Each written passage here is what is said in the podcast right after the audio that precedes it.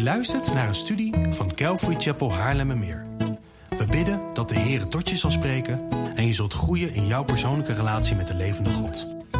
Bezoek voor meer informatie onze website calvarychapel.nl. Dat is C A L V A R Y C H A P E L.nl. Oké. Voor degenen van jullie die een Bijbel bij zich hebben of een Bijbeldragend device, sla alsjeblieft die Bijbel open, swipe in je Bijbel device naar Romeinen hoofdstuk 8. Volgens mij heb ik jullie misleid vorige week door te zeggen dat we in studie 36 zaten, terwijl dit studie 36 is. Iets in die richting. Maar we zijn in ieder geval al flinke tijd bezig in het prachtige Bijbelboek Romeinen. En in dit Bijbelboek Romeinen hebben we een hele hoop gezien. We hebben in het eerste gedeelte gezien dat de mens redding nodig heeft. In hoofdstuk 1 tot en met 3, waarin Paulus de conclusie trok: alle mensen zijn doenwaardig voor God. Oftewel, ieder mens verdient het om de eeuwigheid door te brengen in een plek die de Bijbel de hel noemt, waarin wij gescheiden zijn van Gods goedheid. Puur en alleen op basis van onze daden. Maar de Bijbel stopt daar gelukkig niet. Want het is heel vervelend als iemand een juiste diagnose stelt zonder er een geneesmiddel tegenover te stellen. En daarom, vanaf hoofdstuk 3, legt Paulus uit, legt God uit dat redding door geloof in Jezus Christus is. En hij geeft voorbeelden uit het Oude Testament, omdat Paulus in deze brief aan de Romeinen schrijft aan een kerk in Rome waar veel mensen met een Joodse achtergrond zitten. Dus wat Paulus aan het doen is, en is op zich heel interessant om dan even te proberen je Joodse pet op te zetten, oftewel je ehm, alles gebaseerd op het Oude Testament pet, en om op die manier naar Romeinen te kijken. Want Paulus onderbouwt eigenlijk alles wat hij zegt vanuit het Oude Testament. Want wat hij aan het doen is, is aan het laten zien dat ons geloof niet nieuw is, maar dat Jezus Christus de vervulling is van alles wat al beloofd is. Onder andere redding door geloof. En vanaf hoofdstuk 6 gaat Paulus uitleggen wat gebeurt er dan nadat je gered bent. Want als je dan inziet dat je redding nodig hebt, en als je dan gelooft in Jezus Christus als zoon van God, dan wat? Stopt het dan? Is God dan klaar met je? Zegt hij dan, nou ja, heel veel succes, je bent nu gered? Nee, dan begint het heiligingsproces. En dat is wat Paulus aan het uitleggen is in Romeinen 6 tot en met 8. En dat is ook het gedeelte waarin wij nu zitten. We kijken naar heiliging vanuit Gods perspectief. En onderdeel van heiliging is lijden. Daar hebben we vorige week naar gekeken. Een Bijbels perspectief op lijden. Op pijn, op lastige situaties, op moeite. Op verdriet, op tranen. Op die dingen die wij niet snappen, maar die ons toch overkomen.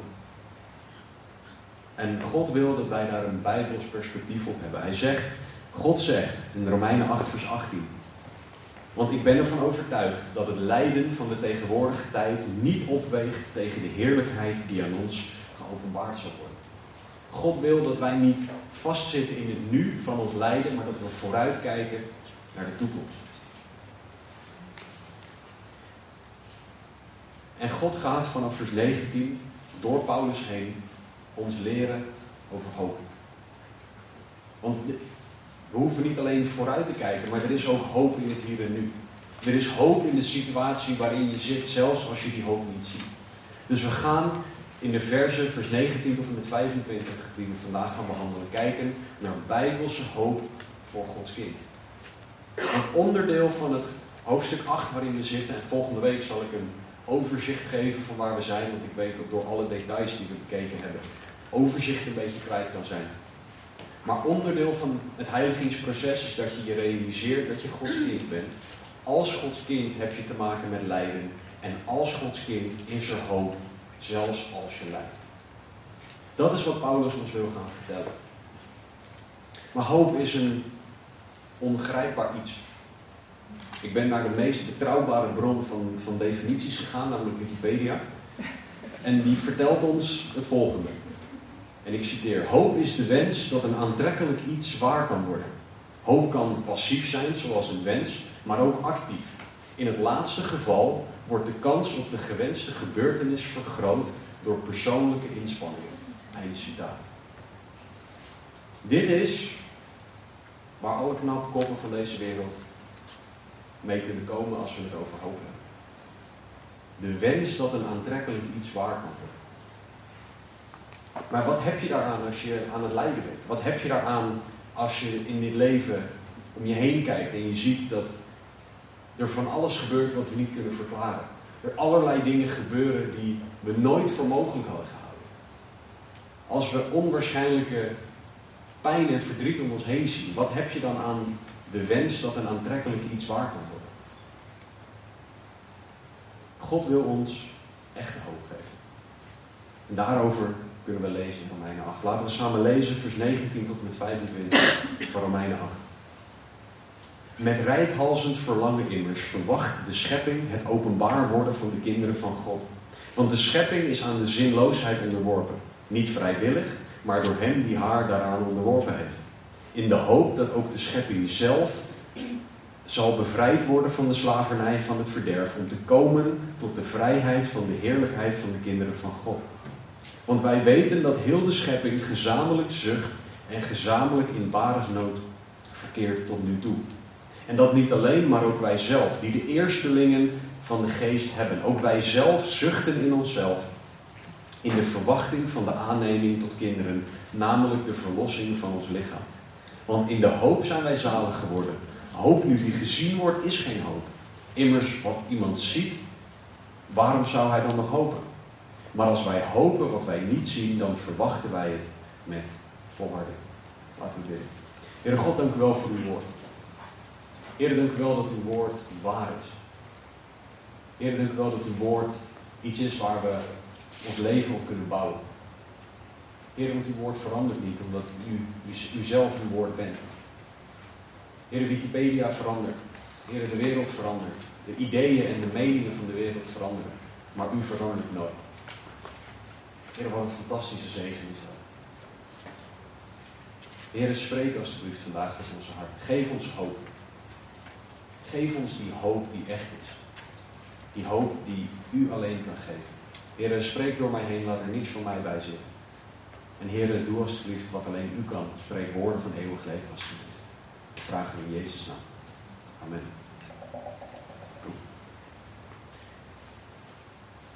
Paulus is ons aan het uitleggen over hoop in lijden als Gods kind. Want zelfs wij, Gods kinderen, wij die geloven in Jezus Christus als Zoon van God, maken lijden mee. Als je daar meer over wil weten, luister naar de studie van vorige week. En tegelijkertijd mogen we weten dat in het lijden er een hoopvolle toekomst is. Met rijkhalzend verlangen, vers 19. Immers verwacht de schepping het openbaar worden van de kinderen van God. De toekomst waar wij als christenen naar uitkijken, die is goed voor mens en voor schepping. Die is goed voor de mens en voor de schepping. Want de schepping is er, laten we heel eerlijk zijn, niet al te best aan toe. Als je ziet wat wij mensen met de schepping doen, hoe we olie in de zee gooien, hoe we allerlei diersoorten kapot maken, hoe we het milieu kapot maken. En daar kan je lang en kort over discussiëren, um, over allerlei dingen die daarmee te maken hebben.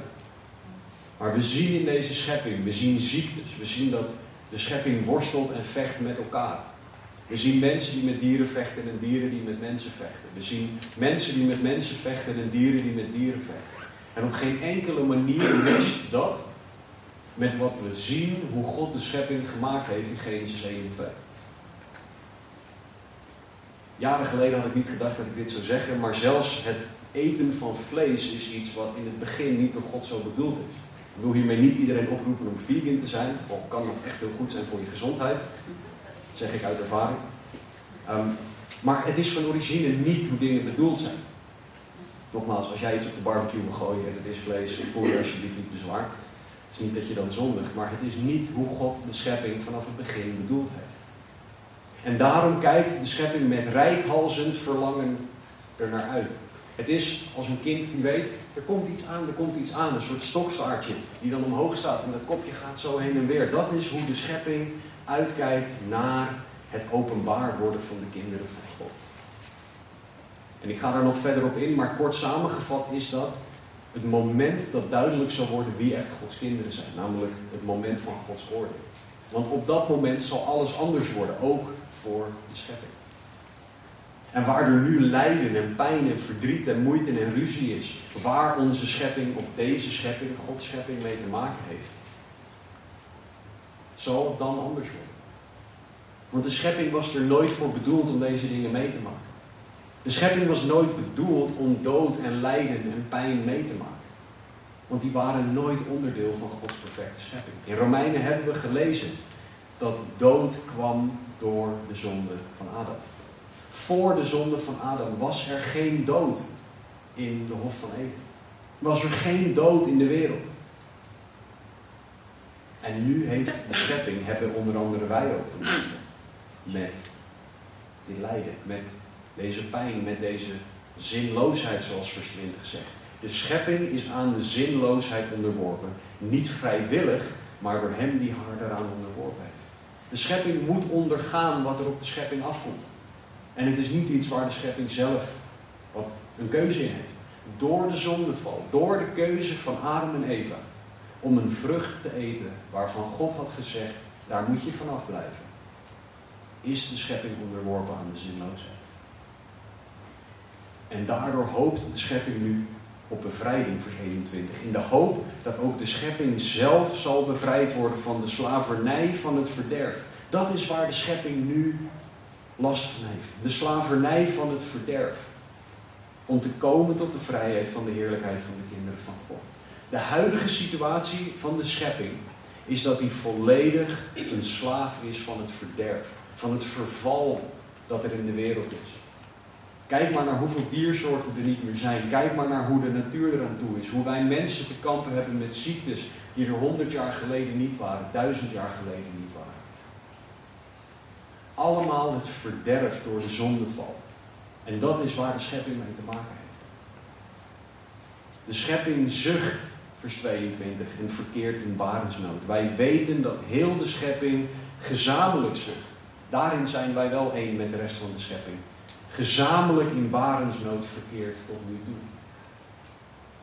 Waar de mens sinds de zondeval erop gericht is om de schepping te gebruiken voor ons eigen plezier. En de schepping zo hard mogelijk zijn best doet om daar geen, om niet geregeerd te worden daardoor. Zijn we wel één in het feit dat mens en schepping uitkijken naar het moment dat alles anders wordt. En Paulus gebruikt hier het voorbeeld van zuchten en in barensnood verkeren. Bijbelcommentator Barnes heeft hier het volgende over gezegd.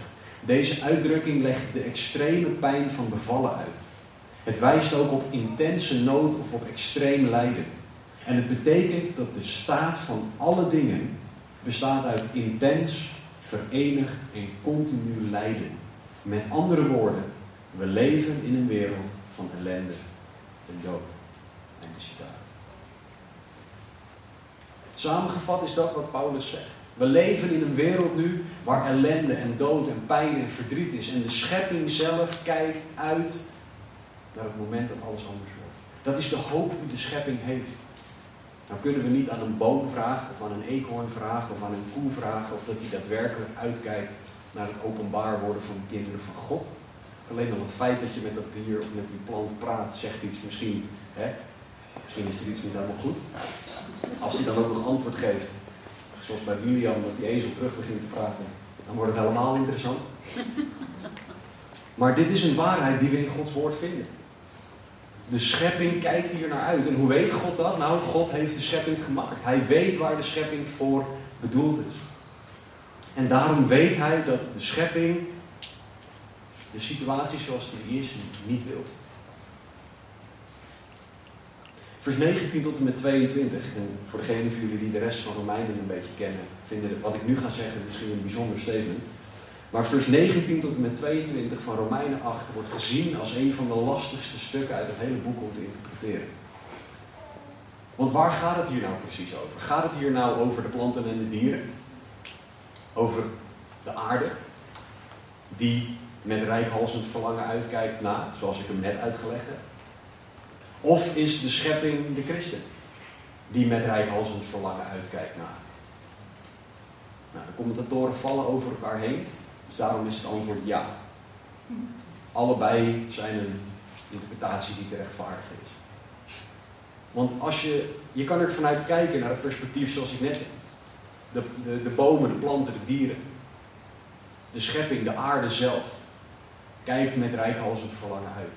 En zo kan je dat invullen in vers 19 tot en met 22. Maar tegelijkertijd kan je het ook als volgt zien. De christen kijkt met rijkhalsend verlangen uit naar het openbaar worden van Gods kinderen. Oftewel, de christen kijkt uit naar het moment dat de kerk of wordt opgenomen, of dat we voor Gods troon komen te staan doordat we komen te overlijden. We kijken er naar uit om verlost te zijn van deze wereld. Van onze lichamen die falen, van de pijn en verdriet die er in deze wereld is. De christen is, vers 20, aan zinloosheid onderworpen door deze wereld. Kijk maar hoeveel zinloze dingen wij doen of wij verleid worden om te doen. Of gevraagd worden om te doen. De christen worstelt ook niet vrijwillig met de slavernij van het verderf. Kijk maar naar hoeveel dingen er op ons afkomen die ons tot hun slaaf willen maken. Welke zonde ons wil verleiden om dingen te doen die niet van God zijn. Hoeveel wereldse systemen ons willen brengen tot dat wij meegaan in wat dan ook. In allerlei onbijbelse dingen.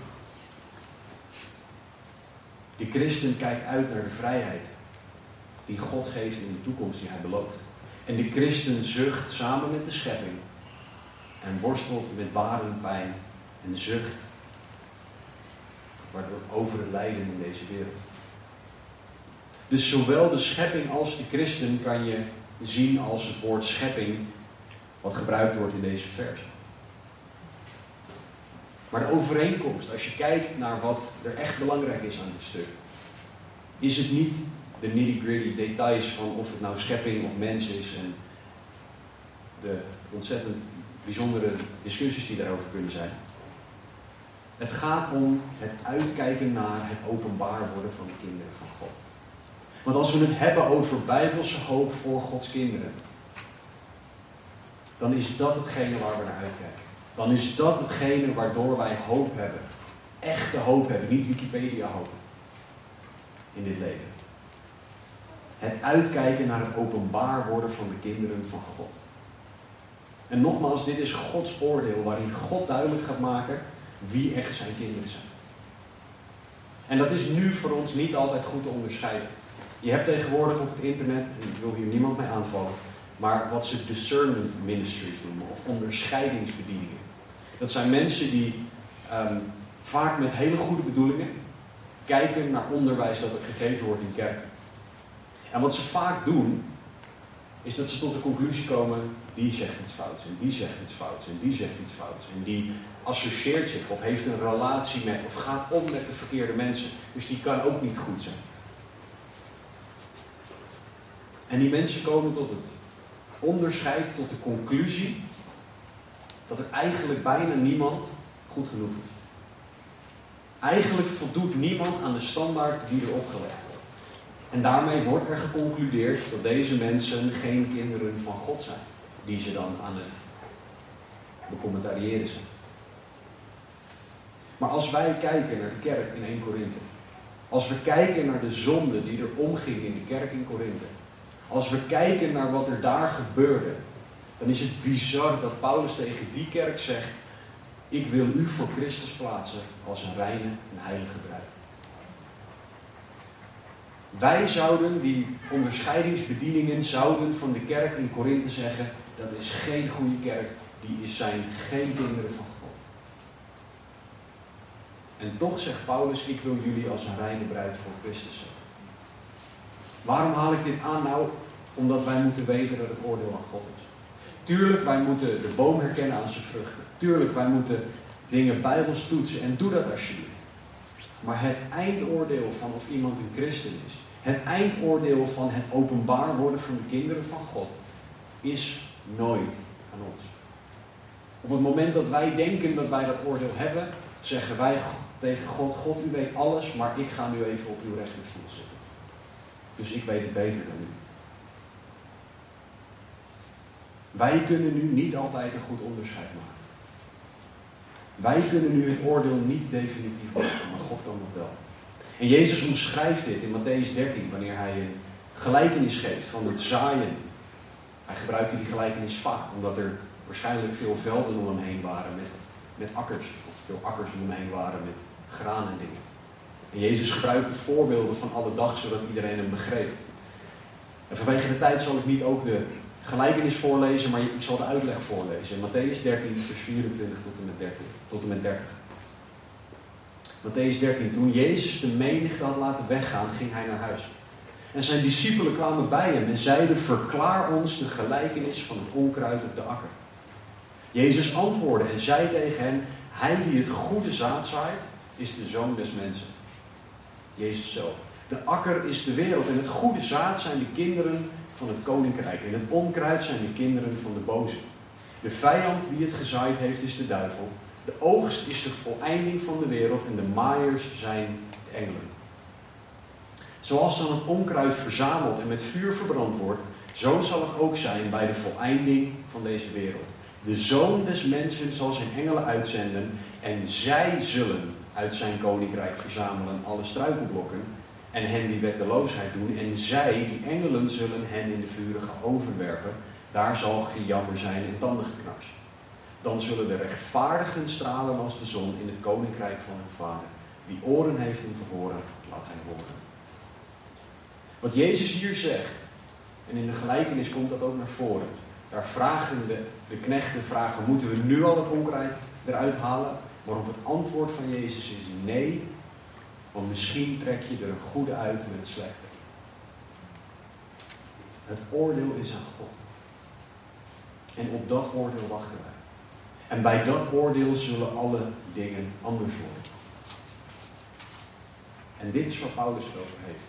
Wij weten het niet, maar God weet het wel. God weet wel wie echt bij hem horen en wie niet bij hem horen. God zal dit openbaren en God zal oordelen. En dat moment is het moment waar de schepping naar uitkijkt. Het moment van het oordeel over alle mensen. Maar ik heb het nu over een oordeel. En zoals de meeste christenen geloof ik dat ik niet geoordeeld word voor de witte troon van God. De witte troon, daar kan je over lezen in openbaring, hoofdstuk 21. Het is het eindoordeel dat God geeft. Het eindoordeel voor Gods troon waarin God alle zonden definitief zal veroordelen. Maar jij, christen, komt ook voor de troon van God. Jij wordt ook geoordeeld door God. 2 Korinthe 5 vers 10 zegt het volgende. Want wij moeten allen, wij moeten allen voor de rechterstoel van Christus openbaar worden. Opdat ieder vergelding ontvangt voor wat hij door middel van zijn lichaam gedaan heeft. Het zij goed, het zij kwaad. Als de Bijbel het over allen heeft, dan heeft de Bijbel het over allen. Dus allen, inclusief christenen, moeten voor de rechterstoel van Christus komen. En dan zal God oordelen wat wij wel en niet in zijn naam gedaan hebben. Dit gaat niet over redding, maar dit gaat over beloning. En dit gebeurt ergens na de opname en wanneer is niet helemaal duidelijk. Ook daar vallen commentatoren over elkaar heen om te vertellen wanneer. Maar we weten het niet, want het staat er niet.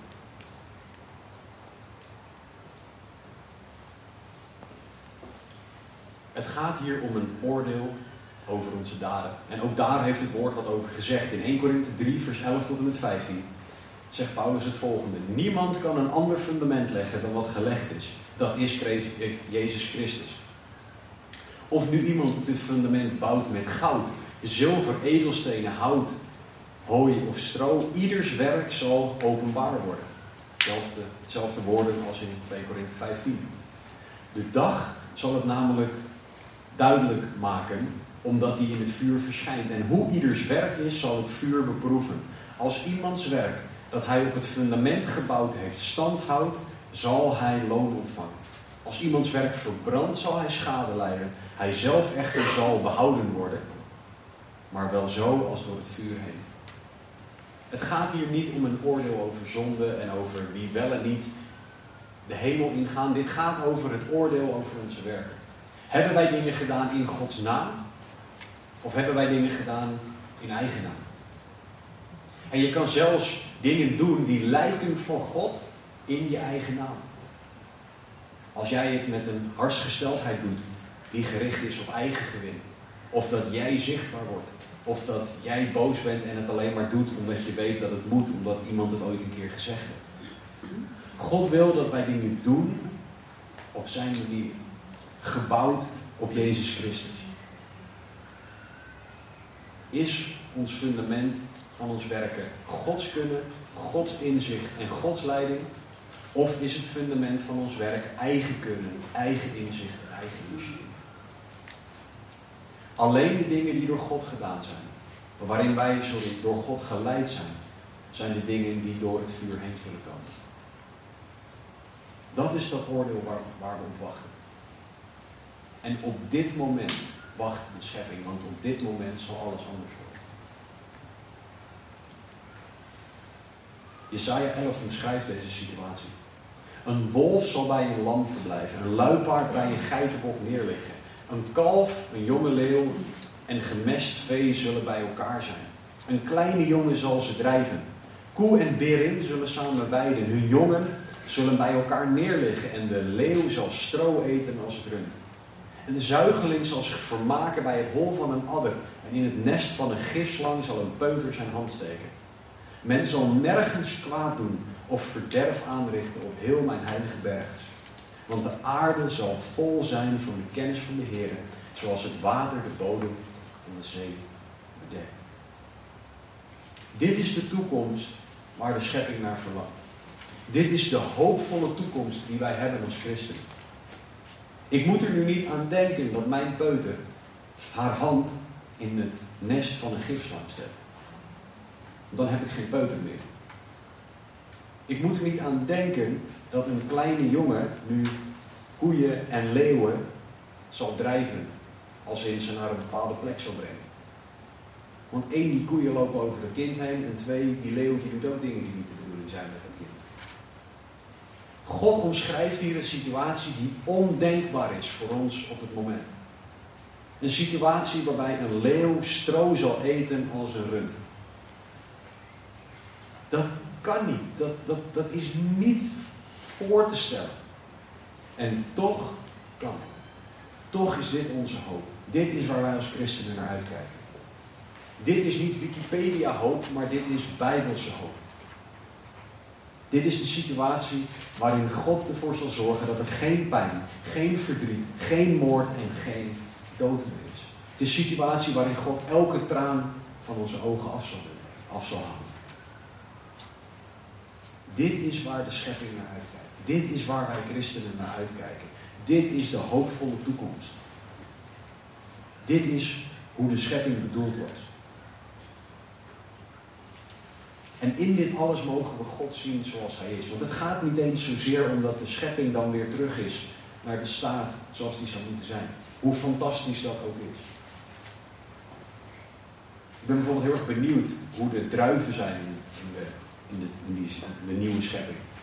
Want in Numeri lezen we over twee mannen die één druiventros moesten dragen. Hoe moeten die druiven geweest zijn? Hoe moeten die granaatappels geweest zijn? Hoe moet dat allemaal zijn? En dat is allemaal geweldig om naar uit te kijken. Maar het allerbeste om naar uit te kijken is dat we God van aangezicht tot aangezicht zullen zien. Dat we niet langer een God hebben die onzichtbaar is, maar dat we God zullen zien. Dat is de hoop die we hebben. En dat is een hoop die er voor Gods kind is, altijd in elke situatie. Voor de duidelijkheid, ik ben niet op zoek naar jullie depressief maken eerst en daarna een soort van hoop geven aan het einde, zodat je je alsnog weer beter voelt. Wat we doen is kijken naar het woord en in het woord zien we dat het voorlopig niet beter wordt. In het woord zien we dat de situatie zoals die nu is, ja, het zal er niet beter op worden. Het leven hier op aarde is voor de niet-christen het allerbeste wat hem zal overkomen.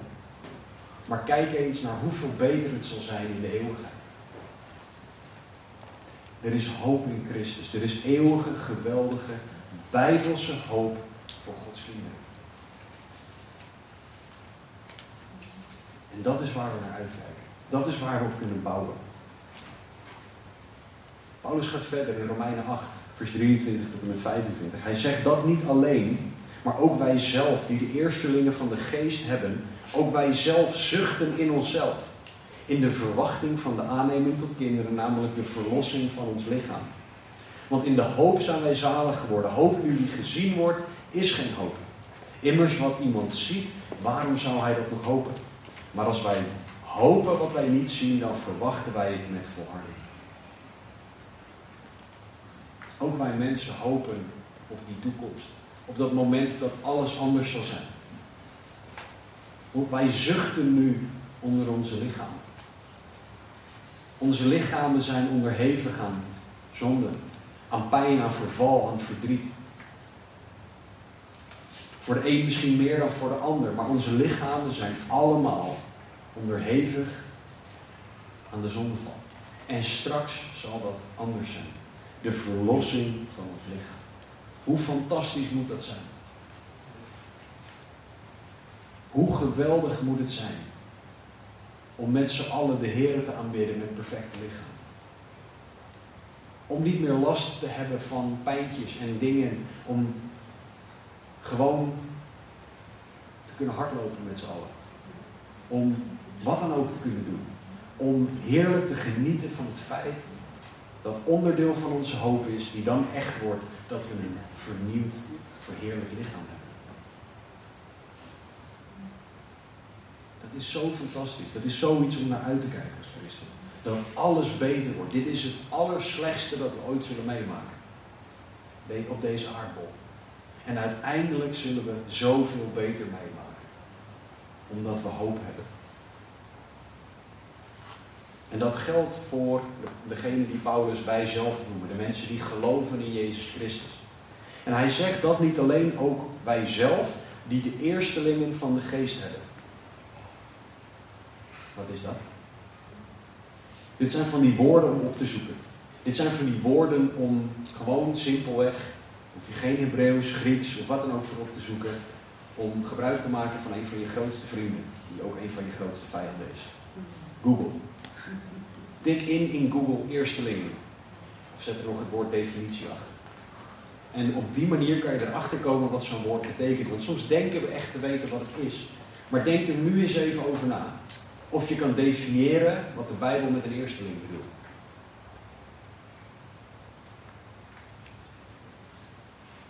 In die tijd, de mensen aan wie Paulus schreef, die dachten in oogsten. Die dachten in seizoenen. Die dachten op een hele andere manier dan wij. Wij denken in 24 uur dagen, wij denken in uh, kalenderjaren, in schooljaren, in gebroken boekjaren, voor degenen die bij uh, sommige bedrijven werken. Sommigen van jullie denken in, ik hoop dat ik de dag doorkom. Uh, zij dachten in oogsten. En de eerstelingen was de eerste oogst. En als de eerstelingen slecht waren, dan was dat vervelend. Want dat, was een soort voorteken voor de rest van de oogst. Als de eerste oogst goed was, dan was dat ontzettend hoopgevend. Want dat was een voorbode voor meer, voor beter, voor allerlei zegeningen die nog zouden komen. De eerstelingen waren de eerste oogst voor de mensen die die tijd. En voor ons, die de eerstelingen van de geest hebben, dat zijn de dingen die we nu meemaken op deze aarde. Maar dat zijn eerstelingen. Het is een hoopgevend iets, terwijl we nog veel meer tegemoet gaan in de eeuwigheid. Wat wij nu meemaken van de Heilige Geest is slechts een voorproefje van wat er allemaal nog gaat komen in de, de hemel. En we mogen de Geest dus ook vertrouwen dat Hij nu in ons werkt. Richting die toekomst. De Geest is nu ons aan het veranderen naar het evenbeeld van Jezus Christus. Hij is ons aan het veranderen, zodat wij gaan denken, gaan doen en gaan laten zoals Jezus Christus. En hier zit zoveel hoop Want als we God nu al een klein beetje zien werken, als we God nu veel zien werken, de toekomst die we hebben is nog zoveel groter.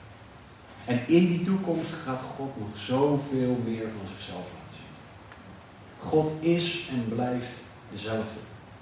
Dus de God die oogsten gaf, een eerste oogst, een eerstelingen oogst en de rest, is nog steeds de God die ons de eerstelingen van de geest geeft en daarna meer. Laat je niet misleiden, dit is echt wat God voor jou heeft. Paulus gebruikt dit woord eerstelingen ook naar een publiek dat weet wat dit ook betekent. De eerstelingen was voor de Joden een heel bekend iets. Want de Joden brachten een offer op Gods bevel, zoals je kan lezen in Exodus 23, op basis van het feit dat ze eerstelingen van God kregen. Ze moesten vieren dat God hen de oogst gaf. Wat hen dankbaarheid moest bijbrengen. En ze moest laten zien dat ze afhankelijk zijn van God. Want God is degene die die oogst geeft. Zowel de eerstelingen van de oogst als de rest van de oogst. En dat mogen wij ook leren. Dat we nu al dankbaar mogen zijn voor wat God geeft. En dat we dankbaar mogen zijn voor wat God nog veel meer gaat doen. In de hoopvolle toekomst die we hebben. En wij mogen alle dingen die God nu doet. Zoals de Joden met de eerstelingen deden, mogen wij teruggeven aan God in gebed. Heer, dank u wel voor wat u nu in mijn leven doet. Ik geef dat terug aan u. Want het is uw werk. En u zij alle eer. En alles is van u. De eerstelingen geven hoop. Dat is bijbelse hoop voor jou als Gods kind. God geeft nu al prachtige dingen. Maar hij geeft nog zoveel meer in de toekomst. In de hoop, vers 24, zijn wij zalig geworden. Hoop nu die gezien wordt is geen hoop. Immers wat iemand ziet, waarom zou hij dan nog hopen? Deze hoop maakt zalig, deze hoop redt. Deze hoop op God is een hoop die, zekerheid geeft, die redding geeft. En net als Israël mogen we hopen op meer van God, hopen op het onzichtbare. En dat is iets wat, wat de wereld niet zo heel goed begrijpt. Hopen op het onzichtbare. Is toch raar? De wereld verklaart ook voor gek, want wij geloven in, vertrouwen op en hebben hoop in een onzichtbare God. Op zich wel grappig, want tegelijkertijd vertrouwen wij ook op digitaal geld. Wat ook niet zichtbaar is, zeg ik als iemand die daar ervaring mee heeft. Je kan die eentjes en nulletjes niet zien. Wij vertrouwen op het weer, terwijl wij de wind niet zien. Wij vertrouwen op zoveel dingen die we niet zien, op atomen. Dat die doen wat ze moeten doen. Dat mijn lichaam goed in elkaar zit, zodat ik deze rare beweging met mijn handen kan maken. En toch verklaart de wereld ons voor gek dat wij vertrouwen op een onzichtbare God. En dat is een van de uitdagingen als christenen. Om dan niet te luisteren naar de wereld. Maar om te luisteren naar God. En te zeggen, Heer, als dit is wie u bent, dan vertrouw ik u. Als dit is wat uw woord zegt, dan vertrouw ik u. En als u onze hoop bent, zelfs als ik u niet kan zien, dan vertrouw ik u. Ook al begrijp ik niet alles, weet ik niet alles, snap ik niet alles. Ik vertrouw u. Dus ook als u het dan hebt, heren, over dat die hoop ons zalig maakt, ik vertrouw u. Het Grieks hiervoor is het woord sozo. Sozo, dat is een beetje zo. Um, nee, het komt neer op iets dat veilig zijn of gered van vernietiging betekent. Dit is wat God doet, wat deze hoop doet. God zet ons op een veilige plek. Hij redt ons van de vernietiging. Dat is waar wij op hopen. En dat is zo fantastisch. En wij christenen hopen dan op een onzichtbare God die op een onzichtbare plek woont voor een tijd die we niet snappen, namelijk de eeuwigheid. Maar toch is dit vaste hoop. Omdat we mogen weten dat dit zeker is. Omdat God zeker is.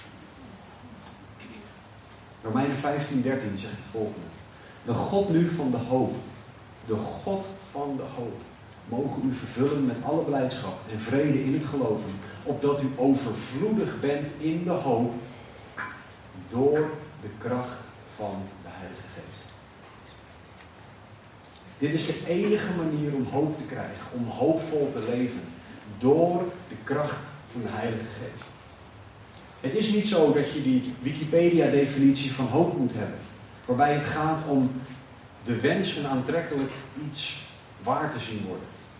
En dat je dan ook nog zelf kan werken aan het realiseren van die hoop. En dan kan je de, de kans op je gewenste gebeurtenis vergroten. Nou, ik ben niet heel goed in kansberekening. Mijn uh, middelbare schoolcijfers zeggen dat ook. Ehm, maar ik weet wel dat met kans er altijd een kans is dat het niet gebeurt. En met God is de hoop vast. Dus is er geen kans dat dingen niet doorgaan. De enige manier voor hoop is God. Dus die hoop hoef je niet zelf op te wekken. God geeft de hoop. Wij hoeven hem alleen maar te ontvangen in geloof. En wij mogen dus leren om afhankelijk van God te leven. En dat is waar ik ter afsluiting naar wil kijken. Naar drie redenen die de Bijbel geeft om hoop te hebben. Drie Bijbelse manieren om hoop te vinden. Want het kan zijn dat jij in een situatie zit die hopeloos lijkt. Die hopeloos voelt. Die werelds gezien hopeloos is. Maar toch kan jij als christen een overvloedig, hoopvol leven leiden. En die redenen vinden we in Gods woord. Want in Gods woord kunnen we zien wat God gedaan heeft. En dat is het eerste punt. We kunnen zien wat God gedaan heeft. Door de week werk ik in de financiële sector en een van de belangrijke statements daarin, zeker met als het komt op investeringen, in het verleden behaalde resultaten bieden geen garantie voor de toekomst. De God die wij dienen, de God die van jou houdt, die jou zijn kind wil noemen, schiet de hemel en de aarde. En die zijn er nog steeds. Deze God stelde mogelijkheden in om bij hem te komen. Eerst in Leviticus door offers, daarna door Jezus Christus. Deze God die koos Israël, net zoals dat hij de kerk koos, en is altijd trouw gebleven aan zijn woord. Deze God wist wat er zou komen, want hij weet alle dingen. En heeft toch ervoor gezorgd dat deze hop aarde nog steeds door het universum aan het draaien is. Hij is trouw aan de aarde, trouw aan jou, trouw aan mij. Als God het wil, dan explodeert alles binnen een seconde. En blijft er niks over. En toch is God trouw. Kijk in zijn woord wat je vindt over wat God allemaal gedaan heeft. Het feit dat Jezus Christus voor jou gestorven en opgestaan is. Het feit dat Jezus überhaupt gekomen is. Het feit dat we zijn woord hebben. Dat we mogen bezoeken. Dat is wat God gedaan heeft. En Gods resultaten uit het verleden bieden wel garanties voor de toekomst. Een zekere en vaste garantie. En dat is voor ons een geweldige reden voor hoop.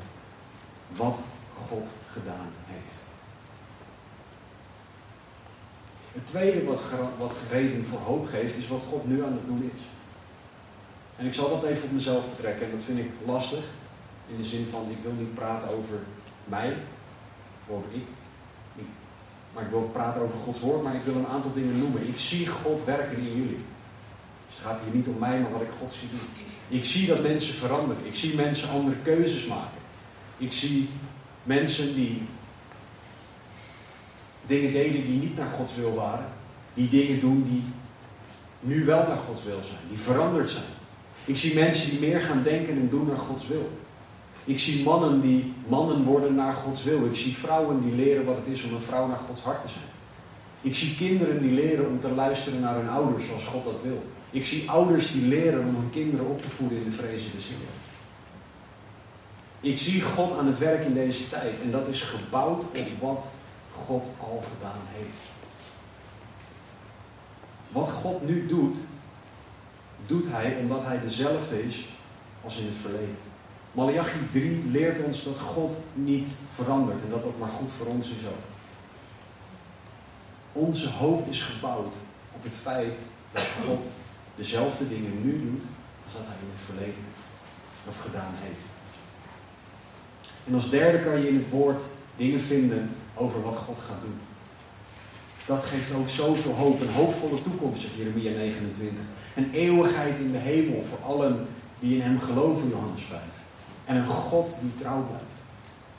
God gaat door met zegeningen geven. Het is niet zo dat God op een gegeven moment zei: jongens, jongens, de pot is leeg.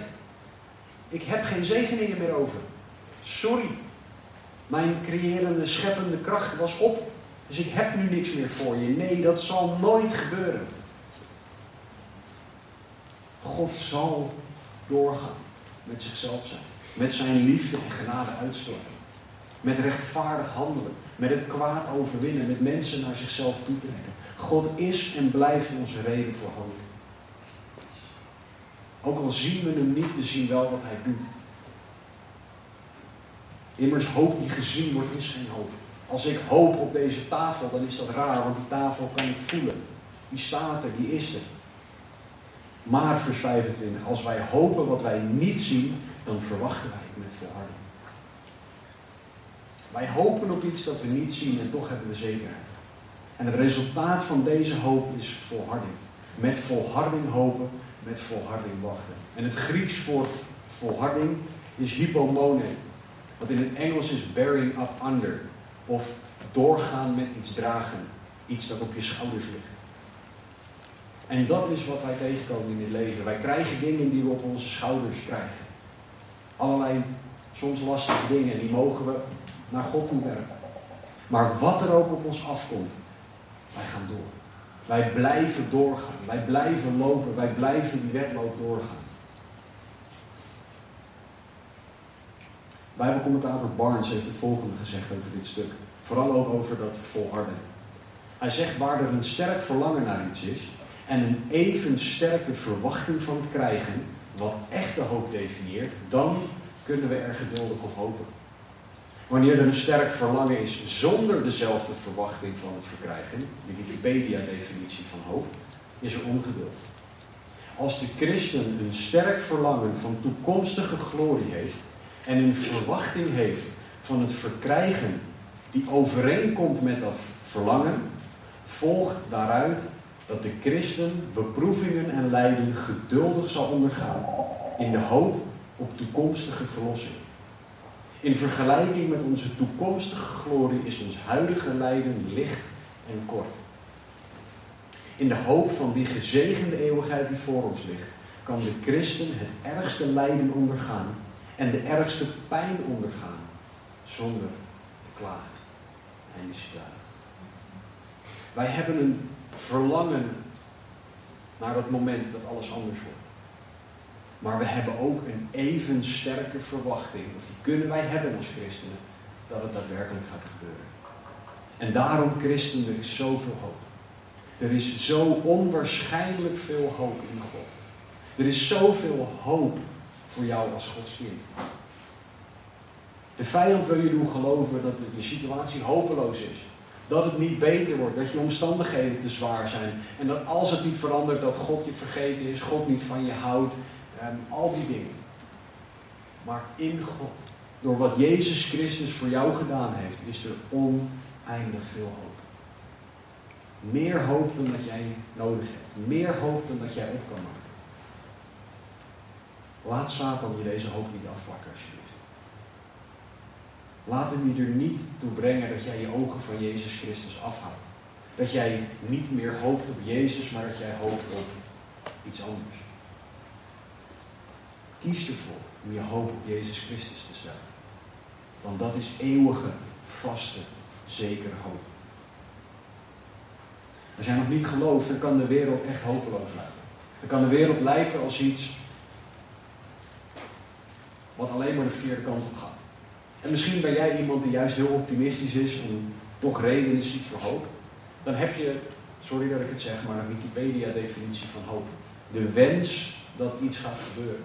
Waarbij je geen zekerheid hebt dat het ook daadwerkelijk gaat gebeuren. Want hoeveel mensen hopen er wel niet op het feit dat zij de loterij winnen? Of dat we nou eindelijk een keer in Nederland een zomer hebben die de hele zomer mooi is. God kan jou echte hoop geven. Geloof in Jezus Christus als Zoon van God. Beleid dat jij een zondaar bent. Vraag vergeving voor je zonde en jij bent gered. En dan heb je hoop. Hoop die echt is, die vast is in de eeuwigheid. Christen, is jouw hoop gebouwd op God? Heb jij bijbelse hoop omdat jij Gods kind bent? Of heb jij andere hoop? Is de onzichtbare God jouw basis voor hoop? Jouw reden voor hoop op zaligheid? Of heb jij een andere reden om te hopen? Christen, volhard jij ook in deze hoop. Ook als alles om je heen zegt dat je moet stoppen met hopen. Volhard jij in de hoop. Laten we. Vader God, dank u wel dat u bijbelse hoop hebt voor uw kinderen. Dank u wel dat u hoop hebt. En hoop geeft. Heer, die zoveel beter is dan alles wat deze wereld te bieden heeft. Heer, want wij hopen op goed weer. Wij hopen op een promotie of op wat dan ook.